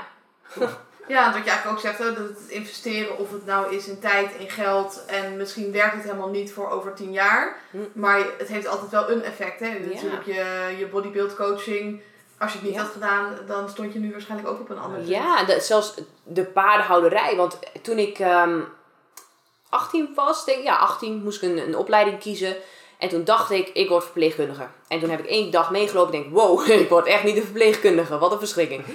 Maar toen had ik geen keus meer, want het was zomervakantie en alle scholen, alle opleidingen waren dicht om in te schrijven. Behalve één, dat was de paardenhouderij in Meppel. En ik denk, nou, ik hou van paarden. 1 en 1 is 2. ja, ja, super simpel. Dus, eh, maar ik had HAVO gedaan, het was MBO-niveau. Dus heel veel mensen om me heen zeiden ook, moet je niet doen, zonde. Kun je beter wachten tot je HBO kunt gaan doen. Maar mijn ouders zijn altijd vrij simpel geweest. Ze zeggen, nou, als je het niet leuk vindt, stop je weer. En als je het wel leuk vindt, moet je het gewoon gaan doen. Nou, oké. Dus ik ben het gewoon gaan doen. En het was echt een ontzettend simpele opleiding. En het was een heel laag niveau voor wat ik zou kunnen. Maar het was een hele goede keuze. Het was in die zin ook helemaal niet verspilling. Want het was voor mij de opstap naar het starten van mijn eerste echte bedrijf. En zelf geld verdienen, geld sparen. Ik weet nog, had ik een kluisje en deed ik geld in voor mijn motorpak. Want dat wilde ik bij elkaar sparen. En dat kwam puur uit het feit dat ik dat deed. Maar ik doe nu niks meer ermee. En diëtistenpraktijk, ik heb vierjarige opleiding ervoor gedaan natuurlijk. eh, om diëtist te worden. Heb ik heel veel van geleerd. Het enige waar ik nog voor gebruik is mijn eigen gezondheid. Ja. Dus weet je, in die zin ja, heb ik er nu nog wat aan. Persoonlijk heel veel. Zakelijk heel veel ervaring uit opgedaan. Maar puur feitelijk gezien doe ik niks met de diëtistopleiding.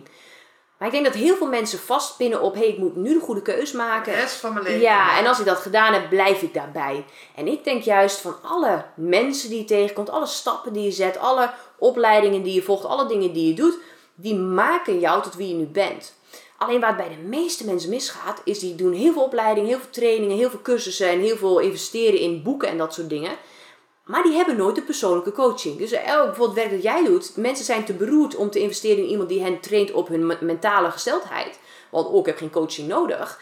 Ja, je hebt het niet nodig, dat is zo. Alleen het is handig. Ja, inderdaad, het is absoluut niet noodzaak. Maar het is zeer werkbaar als je wat wilt gaan doen met je leven dat je tot nu toe nog nooit gedaan hebt.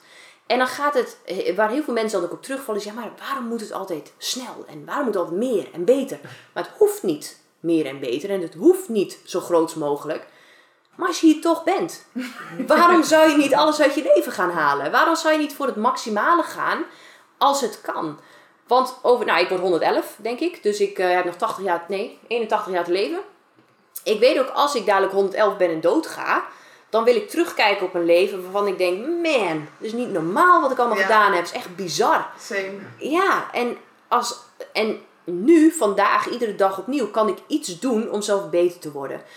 één coachsessie of één nieuwe klant aanhaken of één eh, boek lezen of één whatever het ook maar is. Kleine dingetjes. En ondertussen iemand die met me meekijkt en zegt: Hey Jeanette, dit klinkt goed. Maar als je heel eerlijk bent, volgens mij was dit niet zo'n slimme keuze. Of hé, hey, maar als je dit nou eens gaat doen. Of hé, hey, maar let op wat je hier zegt. En die dingen gecombineerd, dat maakt in mijn ogen dat je niet komt vanuit een moeten veranderen omdat je nu niet goed genoeg bent. Maar simpelweg niet meer genoegen nemen met de absoluut treurige middenmoot. Want de meeste mensen die hebben niet zo'n fantastisch leven. Die zijn gewoon heel blij met hun zesje. En het afwijken van de grote massa, dat is mijn enige belangrijkste doel in het leven. Omdat de grote massa het niet fantastisch voor elkaar heeft in mijn ogen. En, ja, ja, en ik weet van mezelf, ik ben bereid te doen wat nodig is om dat te bereiken. Dus kom maar. En we gaan wel kijken wat er van gaat komen. En wat je ook mooi zegt, het is meer vanuit zelfliefde dan vanuit Ja. zelfhaat. Als je Ferrari hebt, ga je er ook geen eh, rotzooi in gooien. Nee, nee. Gooi je alleen de allerbeste brandstof erin. En dat Ja. is denk ik ook, als je echt van jezelf houdt, Ja. waarom... eh, Waarom zou je het niet doen? Waarom niet? Ja, en, en als je dat ook kijkt naar de grote sportclubs en zo bijvoorbeeld, hè, die zeggen niet op een bepaald punt, Ajax zegt niet, nou, eh, thanks voor alle hulp, maar nu kunnen we het zelf wel. Die zeggen dat niet. Die hebben iemand. Zelf, ik weet het allemaal wel. Ja, of ik weet ja, het allemaal. Die zegt, ik hoef geen coach meer, joh. Ik doe het Ja, zelf wel. ja, precies. Dat gaat niet gebeuren. En waarom? Omdat zij ook wel snappen dat ze het niet nodig hebben, want zij zijn de beste in hun sport in dit geval en op specifiek die positie die ze innemen. Maar zij zijn er ook heel erg van bewust dat ook zij hun eigen kop in de weg kunnen laten staan. Dat zij niet de kennis hebben van hun lichaam, zoals een fysio bijvoorbeeld wel heeft. Dat ze hun voeding net wat kunnen optimaliseren. En de meeste ondernemers en, en ook de meeste amateursporters, die hebben een hele grote bek. Die zeggen, hey, ik wil dat bereiken en ik ga alles doen dat nodig is. Totdat ze alles moeten doen dat nodig is. En dan zijn ze toch niet zo bereid als ze dachten. En dat onderscheidt uiteindelijk, denk ik, de mensen die echt een wereldtitel gaan pakken. De mensen die echt bij het hoogst haalbare gaan komen. De mensen die echt een heel succesvolle business gaan neerzetten. En het grootste deel van de mensheid. De mensen die altijd goede ideeën hadden. En altijd goede plannen hadden. En altijd wel wisten hoe het moest. Maar uiteindelijk nooit echt wat voor elkaar hebben gekregen. Ja. En stel dat iemand hier naar luistert en denkt, oh, ik ben zo. Ik, ik wil wel heel graag resultaat, maar ik ben niet echt bereid om te doen wat nodig is. Maar ik wil het wel heel graag en ik zou erin willen veranderen.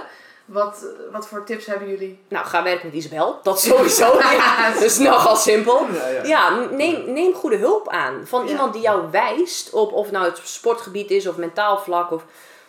Neem hulp. Om, en niet vanuit het stuk, oh ik ben niet goed genoeg, ik heb hulp nodig. Maar hey, ik ben benieuwd wat er in mij zit. Wat zou ik kunnen doen? En ik denk ook dat je altijd de student mindset moet aanhouden. En echt serieus, als je één zinnetje never meer van je leven gaat zeggen, is het, oh maar ik weet het allemaal al. Want zolang je dat blijft zeggen, dan weet je het niet allemaal al. Nee. Want dan ben je te gefocust op je eigen ego. Je eigen ego dat eigenlijk wil laten zien, ik ben heel goed en ik weet alles en ik ben eigenlijk al wel echt de shit. En heel simpel, als je net kunt rondkomen of als je in zeg maar, D-klasse speelt en nog tot A-klasse in je sportgebied te gaan hebt. Ja, of als je nog geen wereldrecord Nee, hebt staan. als je niet de beste bent, dan ben je niet de beste. Dus dan heb je nog groeiruimte. En wellicht wil je niet per se de beste worden, maar wel de beste die jij zou kunnen zijn. En dan denk ik als de meeste mensen heel eerlijk gaan kijken, dat ze ook zien, hé hey, maar oké, ik heb een keertje aangenomen dat ik de beste wil zijn. Maar nu zie ik dat ik helemaal niet de bereidheid heb om alle acties te ondernemen. Durf dan ook je doelen los te laten. Want dat is ook niet erg. Als je weet, ik moet wat aan gaan doen, neem dus schakel hulp in. Of durf los te laten aan ego-doelen waarvan jij eigenlijk stokongelukkig wordt. Maar die je hebt aangenomen omdat je een soort van denkt dat het moet om goed genoeg te zijn. Want dat gaat nooit de basis zijn om een fijn leven te leiden. En uiteindelijk is dat waar het om gaat. Hè? Een leven leiden waarin je een impact kunt maken. Waarin je een verschil kunt maken voor jezelf en voor de mensen om je heen. En misschien op een groot deel van de wereld. Maar vooral waarin je leven hebt waarvan je weet, ik ben, ik ben gelukkig. Ik ben gelukkig om niks en ondanks alles. En ik heb het maximale gedaan dat voor mij belangrijk was. Ja. En als jullie kijken naar de toekomst, welke, welke doelen heb jij bijvoorbeeld nog, John? Nou, dat is wel een goeie. Als we kijken naar lifestyle of business specifiek, denk ik persoonlijk eh, zou ik er nog even over nadenken in de tussentijd. Maar met, met lifestyle of business, Jeanette die stapt daar steeds meer uit. Dus ik moet daar steeds meer de leiding in nemen. Dus wat ik eigenlijk wil, enerzijds wil ik nog beter één op één coach worden. Om ook meer impact te kunnen maken. Dus nou, dan wil ik gewoon tot 10 één op één klanten gaan. Want meer tijd heb ik er dan niet voor over. En daarnaast, we hebben momenteel Rianne als, als co-coach. En ik wil in En één nog een ander die nu nog ja, en daar gaan we nu mee starten. En ik wil dus naast Rianne nog vijf coaches in het komende jaar gaan aanhaken. Lifestyle business coaches, die ik ook ga opleiden. Zodat we in die gewoon een legertje aan coaches hebben. Om gewoon veel meer kwalitatief, eerlijk en goede begeleiding te kunnen verzorgen in Nederland. Want die slechte denk- business coaches die er allemaal... Ja, het is matig gesteld, Ja, zeg maar. Ik, we zullen ook geen namen noemen, dat is niet eerlijk. Nee. Maar het, het niveau is matig op heel Ja. veel, niet ieder, lang iedereen, maar heel veel, het ni- niveau kan beter. Dus eerder wilden wij daar eigenlijk helemaal niet in mengen. We deden gewoon samen coaching. Alleen, ja, wij weten gewoon dat er zoveel meer in zit. Dus Ja, soms ook mensen die bij ons komen, die hebben dan een half jaar of een jaar coaching gehad ergens. Maar die, die struggelen met de basics. Dan denk je, ja, maar dat mag niet gebeuren. Je, je mag niet de, wel de bereidheid hebben om te investeren en te doen wat nodig is, maar niet de goede Ja, hulp krijgen. precies. Dat is zo zonde. Dat zie je natuurlijk ook, dat zag ik in de bodybuilder. Mensen doen één wedstrijd en noemen zichzelf coach. Ja. En die laten hun succesformule zien. Ja. Aan de hand van hun eh, lichaamsgewicht. En je kan mensen er echt flink mee verpesten. Oh, dat is natuurlijk in coaching hetzelfde. Als mensen flink investeren in de coaching, dan zorg jij ervoor dat zij minder budget hebben. Om vervolgens Dus, in echt ja. goede coaching te investeren. ja, absoluut. Nee, dus dat is echt wel een bedrijfsdoel om in die zin ehm, de eerste stap te maken naar uitbreiding met lifestyle of business. Daarna willen we lifestyle of business ook eigenlijk naar het buitenland gaan brengen. Niet als zijn de coach tak, maar wel ehm, ja, vastgoed zou je het haast kunnen noemen denk ik. Drie panden is nu het idee over de wereld verspreid, zodat we onze eigenlijk de tegenstrijdigheden die Jeanette net vertelde, dat we die daar kunnen gaan, gaan leven met onze klanten. Dat we gewoon misschien hele trajecten kunnen organiseren van, van land naar land om elke keer een andere tegenstrijdigheid te doen. Dus Ja. dat is een beetje het idee. En daarnaast, dat is iets verder weg, willen we eigenlijk ook graag onze eigen kofferlijn hebben. Ja. Dat is gewoon een, lang gekoesterd doel. We hebben zo'n heel mooi logo, zo'n strip, een slipper en een stropdas. Nou, jij hebt hem nu ook op je badjas die je van ons hebt gekregen. Precies. En, eh, en die willen eigenlijk gewoon op koffers hebben, zodat je waar dan ook op de wereld, op elk vliegveld, dat mensen gewoon met onze eigen koffer Ja, lopen. en, dan zie je iemand en die heeft dezelfde koffer. Ja. Ja, maar echt. En we willen eigenlijk mensen gewoon er constant aan herinneren dat relaxed vlammen, voor waar wij voor staan, dat dat de basis zou moeten zijn van je hele leven. Je wilt vlammen in, in de sportschool en je wilt de rest van de dag relaxen zodat je lijf kan herstellen. Je wilt vlammen in je ijsbad, als in fucking oncomfortabel op dat moment. En daarna pluk je er de vruchten van. En dat wil je ook doen in je relatie, in je business, in gewoon alle dingen die je hebt. En als we daar mensen aan kunnen herinneren door alleen maar zo'n logo al te verspreiden, ja, dat, dat is fantastisch. Ja, dus dat is een beetje zakelijk voor lifestyle business. Persoonlijk, ehm, ik heb niet echt meer bodybuild ambities of zo. Nou, echt niet, laten we dat zo zeggen. Maar in de komende... Nou, grote droom, volle baard. Nou, ik ben nu bezig met een baard. Ja, dat is, eh, dat is een persoonlijk doel. Ja, ja. Maar ja, En een waardevol doel om te ja, bereiken. echt super waardevol. Ja. Ja. Moet je ook veel voor doen. Buiten Geduld hebben. Voor mij is dat Ja. een uitdaging. Nou ja, dat. En in de komende jaren zouden we ook graag eigenlijk een gezin stichten. We zijn nu ehm 15 of 14,5 jaar samen. Waarvan nu 6,5 jaar getrouwd. En nu zijn we op zo'n punt gekomen. We hebben alles goed op orde. Nu ehm, ja, mogen we in die zin ook een volgende stap maken. Dus eh, dat is een doel wat wel echt heel veel gaat veranderen, verwacht ik. Ja, Ja. zeker, zeker. Jullie hebben nu een aantal sponsorkindjes, toch? Dat Ja, ja, eh, inderdaad. We hebben nu zes kindjes. We hebben er drie in Togo en drie in Ethiopië. Leeftijd 1 tot 10 jaar.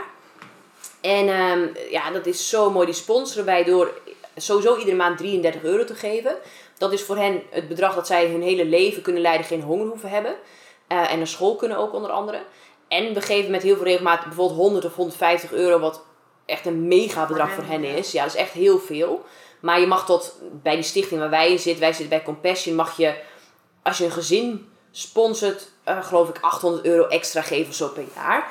Dus dan krijg ik foto's van dat ze een matras hebben gekocht, want dan hoeven ze niet meer op de, op de grond te slapen. En, maar dat zijn dingen, je hebt geen idee hoe goed wij het hebben in Nederland. Ja, En dan- een lage, lage standaard. Ja, Ja. ja, echt. Wij met onze hostels, ja, flikker het op. Dat is die mensen die hebben gewoon een kapschuurtje. Waar ze, nou dan niet eens, die hebben een paar golfplaten. Als ze geluk hebben. En, ja, en dat doen we om enerzijds ook op zo'n manier bij te kunnen dragen. Ehm, Ja, dat, dat zijn nog niet eens doelen meer op zich voor ons. Dat doen we gewoon. dat is gewoon Ja. wat we doen, Ja, ja. bij- Ja, en, en ook we hebben in eh 2018, 17 natuurlijk zo'n boot gekocht. Ja. Eh, een Balinees gezin ontmoet. En die man die zat in een cirkel waar hij niet uitkwam. Namelijk zijn boot was stuk. Maar zijn boot was nodig om geld te verdienen door te vissen, door te snorkelen met toeristen en door dolfijnen te spotten.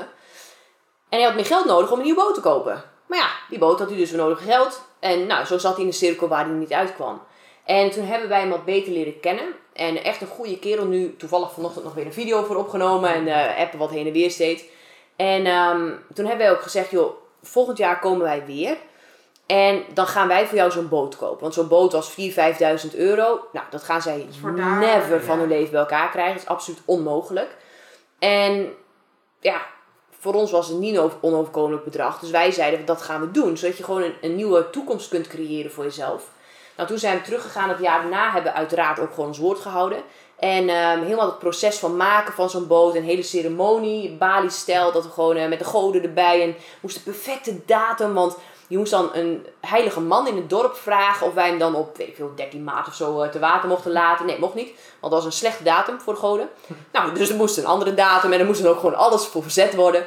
En um, nou, de heilige man dan ook bij de ceremonie wel allemaal in die tenuutjes die ze daar dragen. En uh, ja, dat was magisch. En zo hebben we hen echt, echt een, voor hun standaard een rijk leven kunnen geven. Maar ook zoals nu met corona hebben zij helemaal geen inkomen. Het is echt een heel groot probleem in dat soort landen. Uh, omdat toerisme wegvalt. Dus ja, daar maken we een paar honderd euro naar ze over om, om ze te ondersteunen. Ja, en dat vinden wij heel belangrijk om te kunnen doen. En, uh, nou, en dan inderdaad nu dan die sponsorkindjes al, al wel heel lang. Ja. En dan nu dadelijk ook onze eigen kindjes. En een hond misschien nog. En op den duur willen we over komende twee tot drie jaar willen we een, um, een boerderij in Spanje. Want we doen nu nog steeds heel veel reizen. Maar we willen voornamelijk gewoon nu in een warm klimaat wonen. Ja, ja dat reizen, dat, heel veel mensen zeggen ik hou van reizen, maar ze houden ervan om... Wij houden van in een warm land wonen. Precies. Ja, en heel veel rust te hebben. Ja, Dus uh, mooi boerderij met daar heel veel land bij, wat paarden en gewoon echt een, een heel vrij leven in die zin. Ik wil ook heel graag een groentetuin en dat soort Oh, dingen. Ik, ja, ik kweek nu al mijn plantjes, maar dat is toch anders in Nederland. En eh, dat, nou, dan gaan we nu ook dit, eind dit jaar gaan we een paar maanden naar Spanje om gewoon eens bij wat mensen langs te gaan die we ondertussen kennen. Om eh, te kijken waar zij wonen en hoe doen zij dat. En ehm, nou, dus dat is ook nog wel een privé-doel dat we hebben. Om gewoon, Dat is al met al best wel wat. ja, best wel Ja. veel. Maar ja, uiteindelijk, ja, je wil ook wel weten wat je B-punt is natuurlijk. Ja. Nou, en GOA, dat is, mijn missie is dus zorgen dat die 100% transparantie er is over behandelmogelijkheden. En die stichting. Ik heb nu mijn eerste persoon die ik zelf sponsor vanuit mijn eigen stichting. Het is nog niet eens een stichting, het is nu een oefenronde, zeg maar. Ook een kankerpatiënt. En die, eh, alleen al de dankbaarheid van het feit dat wij hen willen helpen met geld, wat ze zelf niet hebben. Eh, dan heb je het over een paar tientjes misschien maar per maand. En dat zijn we nu zo aan het testen, zodat we dat echt heel stabiel neer kunnen zetten. Ja, en dat is echt wel mijn persoonlijke grote doel. Dat is dan ook wel weer businessgericht. Maar ik zou heel graag ehm, echt een shift kunnen maken in de kankerwereld. Zodat mensen gaan weten wat de mogelijkheden zijn. Nog steeds zonder die garanties en zonder echt per se te weten dat je overleeft. Want dat weet je niet. Plus we gaan nee, allemaal maar ze gaan dood. doen wat nodig is, in ieder geval de meeste kans om er te Exact, komen. inderdaad. En er is zoveel meer mogelijk dan überhaupt de meeste mensen weten. Dus dat is wel echt mijn hele grote persoonlijke doel. Er gaan jaren overheen, dat is ook prima. Ik dacht eerst echt, oh, dat doen we wel even. Nou, het laatste kleine jaar dat ik ermee bezig ben geweest, is niet normaal hoeveel haken en ogen er zijn. Dus dat gaat echt heel lang duren. Maar dat is het enige qua business waar ik mij voornamelijk op richt. Naast het coachen van één op één klanten. Want dat vind ik fantastisch om te doen. Om nou, figuren zoals jij. Om dan, oh, ik heb weer mijn beste week ooit. Oh, weer mijn beste week. Oh, nu totaal mijn beste maand ooit. Ja, dat, dat is geweldig. En Ja. dat, dat is prachtig. En eh, ja, dat zijn mijn doelen. Ja, wat ik jullie ook een beetje hoor zeggen, geld er zit best wel een taboe op. Investeren in jezelf is ook al spannend, maar op het moment dat je in ieder geval dat doet, je, je steekt ergens tijd in, geld, energie, commitment, het komt terug en dan kan je het dus ook weer aan anderen geven. ja, ik denk dat dat ook, vind ik het stomste aan uitspraak. Ja, wat moet je met zoveel geld? Ja, weggeven. Als, je Ja. dan, als jij in staat bent veel geld te creëren en je weet dat je dat in je hebt, dan ben je een egoïstische loeder als je dat niet gaat doen, omdat je er niet zo zin in hebt. Terwijl je daarmee het leven van heel veel andere mensen echt heel zwaar kunt maken. Als jij wel dat werk erin steekt, wel dat geld verdient en hen kunt helpen het leven heel veel lichter te maken, ja, dan weet je volgens mij heel goed waar je het voor doet. Maar ik denk in, de, in het geval van de meeste mensen, die zullen zichzelf niet zo snel als egoïstisch neerzetten, maar Nee, ze dat is heel ja, dat is niet leuk. En in de basis, in de kern zijn we allemaal egoïstisch en kiezen we toch echt altijd wel voor onszelf als het erop aankomt. Meer, zeg maar in gevaarsituaties en zo. Maar zeker in business, als jij in staat bent grote resultaten te behalen en je doet het niet omdat je daar niet zoveel zin in hebt. Ja, denk heel even aan al die kindjes en al die gezinnen in het buitenland die het veel slechter hebben dan jij. En maak dat je drijfveer. En dat betekent helemaal niet dat je een multimiljoenen bedrijf moet gaan bouwen als je dat niet wil. Maar zorg dat je 10% van dat wat je verdient al weg kunt geven. Dus dat je eigenlijk 10% meer verdient dan jij nodig hebt. Ja, joh, moet je kijken wat de wereld dan voor een goede plek kan gaan worden. Ja. Ja, mooi. Ik Ja. heb niks meer op aan te vullen. Nee, ik denk dat het ook een hele mooie is om bij af te sluiten. Ja. Dus onwijs eh, bedankt voor de podcast, maar ook, we refereerden wel naar de podcast, maar niet iedereen weet dat denk ik wat we hiervoor allemaal hebben gedaan. Naar het Ja. ijsbad, het trainen, Ja. Ja. het lunchen samen, In de sauna. het sauna inderdaad. Ja, de hele dag zit er al zo weer, Ja, eh, ja weer op. superleuk. Ja, leuk man. Nou, dankjewel voor de uitnodiging. yes, Ja. zeker.